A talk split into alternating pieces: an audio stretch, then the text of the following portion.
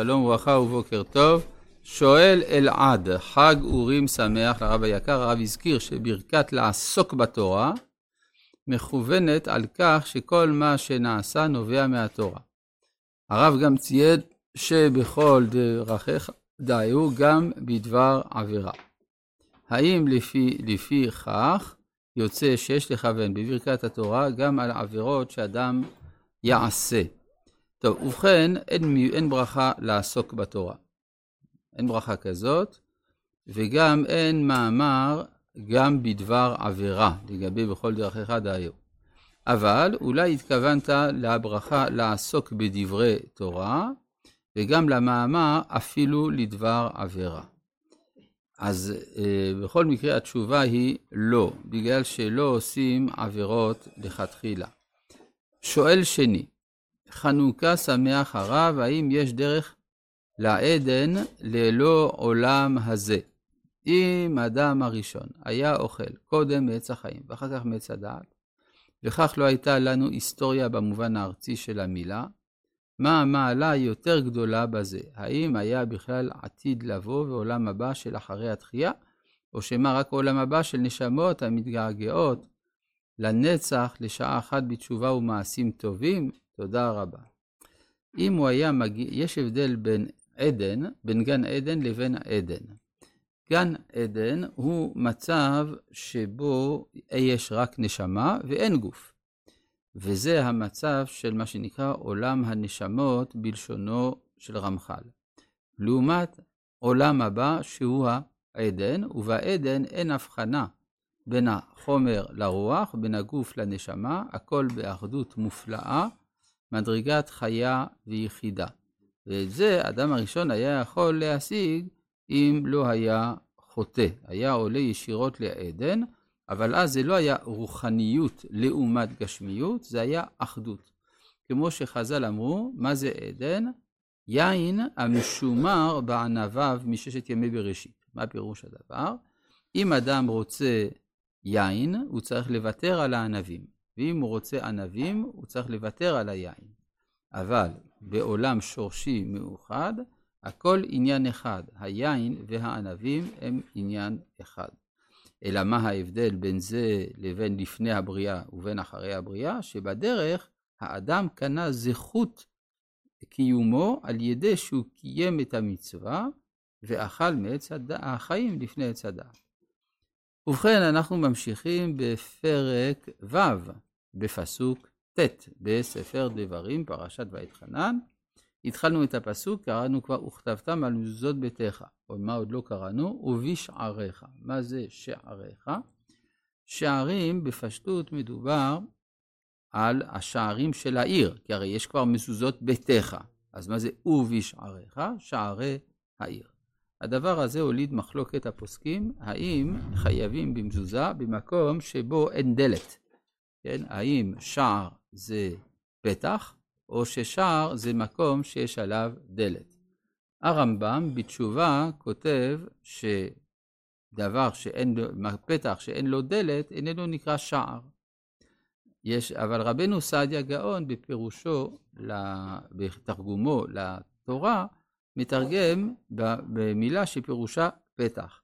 זאת אומרת שלפי רבנו סעדיה גאון, גם אם אין דלת, צריך לשים מזוזה, הלכה למעשה אה, בלא ברכה, וגם אם אין לו מזוזה, לא קרה כלום.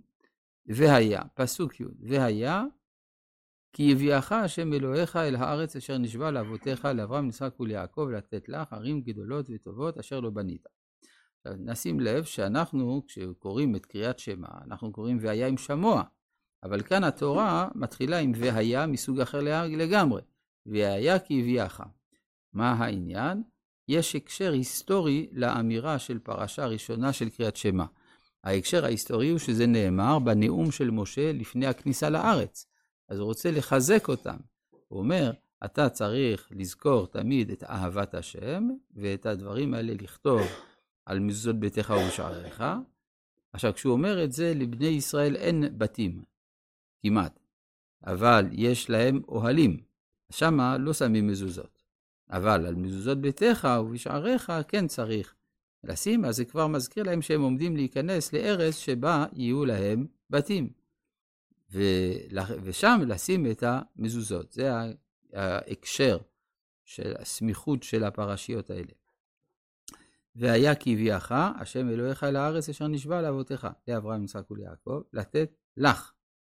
עכשיו, למה צריך להזכיר כאן אברהם, יצחק ויעקב? כבר אמרת, לאבותיך. אבותיך זה אברהם, יצחק ויעקב בהקשר הזה. אלא שזה בא לומר, זה בזכותם ולא בזכותך. כן? וזה מתכתב עם המשך הכתוב, ערים גדולות וטובות, אשר לא בנית.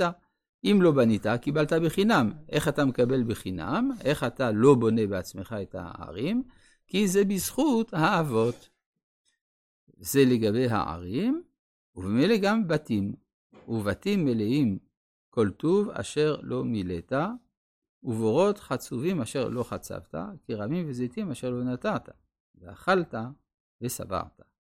אז כאן, אה, מה, מה כל העניין הזה? זה בא לומר, יש סכנות. סכנות בזה שאדם מקבל דברים לא מכוח הזכות שלו, אלא מכוח של הזכות של אבותיו, או מכוח החלטה של הקדוש ברוך הוא שהוא יקבל.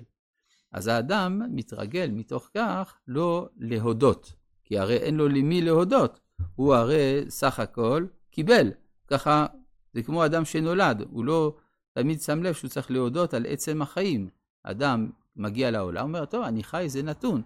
הוא צריך לזכור שהקדוש ברוך הוא נתן לו את החיים האלה. אותו דבר לגבי כל הטובות האלה שבארץ ישראל, הוא צריך לא לשכוח. במיוחד שבמצב של שביעה, כאשר אדם שבע, אז הוא נוטה להכיר את הקיום שלו מכוח עצמו ולא מכוח מי שנתן לו את הקיום. עכשיו, מה זה מלאים כל טוב? חז"ל אמרו דבר מעניין, אה, אה, קידלי דחזירי. כלומר, חזיר. יש בתוך הבתים של הכנענים, יש חזיר שמוכן, כן, הם כבר uh, הכינו את זה, באו, זה מבושל, מותר לך במלחמה לאכול קידלי דחזירי. עכשיו, למה זה, חש... מה המשמעות של הדבר הזה? אפשר להגיד, מדין פיקוח נפש. פיקוח נפש, אדם נמצא במלחמה, הוא רעב שיאכל. אבל לא תמיד זה כך. לפעמים לא ממש רעבים, או למשל, למשל לא ממש נמצאים בפיקוח נפש. אפשר בינתיים להכין אוכל שיהיה כשר. אף על פי כן, במלחמה מותר לאכול גם אם סתם אדם רעב ולא מצא משהו אחר לאכול, הוא לא צריך להמתין, הוא יאכל מיד, אפילו חזיר. מה זה בא לומר? שיש בזמן הכיבוש השראת שכינה מיוחדת שמאפשרת להעלות תכנים שבדרך כלל אי אפשר להעלות אותם. וזה ההזדמנות בכדלי דחזירי. אותו דבר גם מצאנו לגבי ביטול בשישים. ההלכה אומרת שאם יש איסור שנתערב בהיתר, אחד בשישים מותר לאכול. שמא נאמר, אולי טוב להחמיר ולא לאכול. כן, סך הכל, מה לי להיכנס לזה שאני אוכל דבר איסור? על זה אמר, לא, ההפך. התורה אמרה שהאיסור הזה מותר. אתה לא יכול להחמיר יותר ממה שהתורה הקלה. ולכן זאת הזדמנות. אם יש מאכל שבדיעבד נפל בו איסור שנתבטל בשישים, טוב לאכול מן המאכל הזה, כי על ידי כך אנחנו מעלים דברים שבדרך כלל אי אפשר לנו להעלותם. אז גם פה בתים מלאים כל טוב.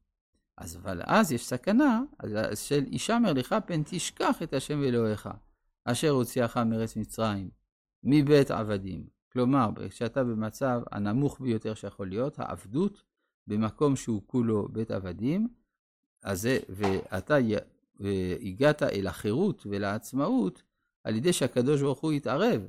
לכן אתה צריך לא לשכוח אותו כשאתה מגיע למצב שבו אתה חי ללא, אה, ללא זכות, כלומר ללא עשיית מעשה שמקנה לך, לך זכות.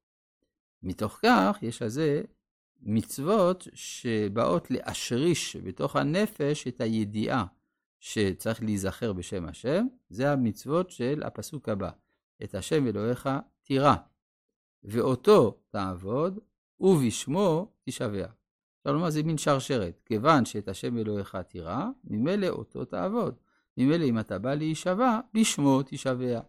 מזה אנחנו גם לומדים הלכה חשובה, ששבועה, גם כשלא מוזכר שם שמיים בה, היא תמיד בשם שמיים. כלומר, זה כאילו מונח כהנחה מובלעת, לכן צריך להיזהר מאוד בשבועות מפני אזכרת שם שמיים שבהן.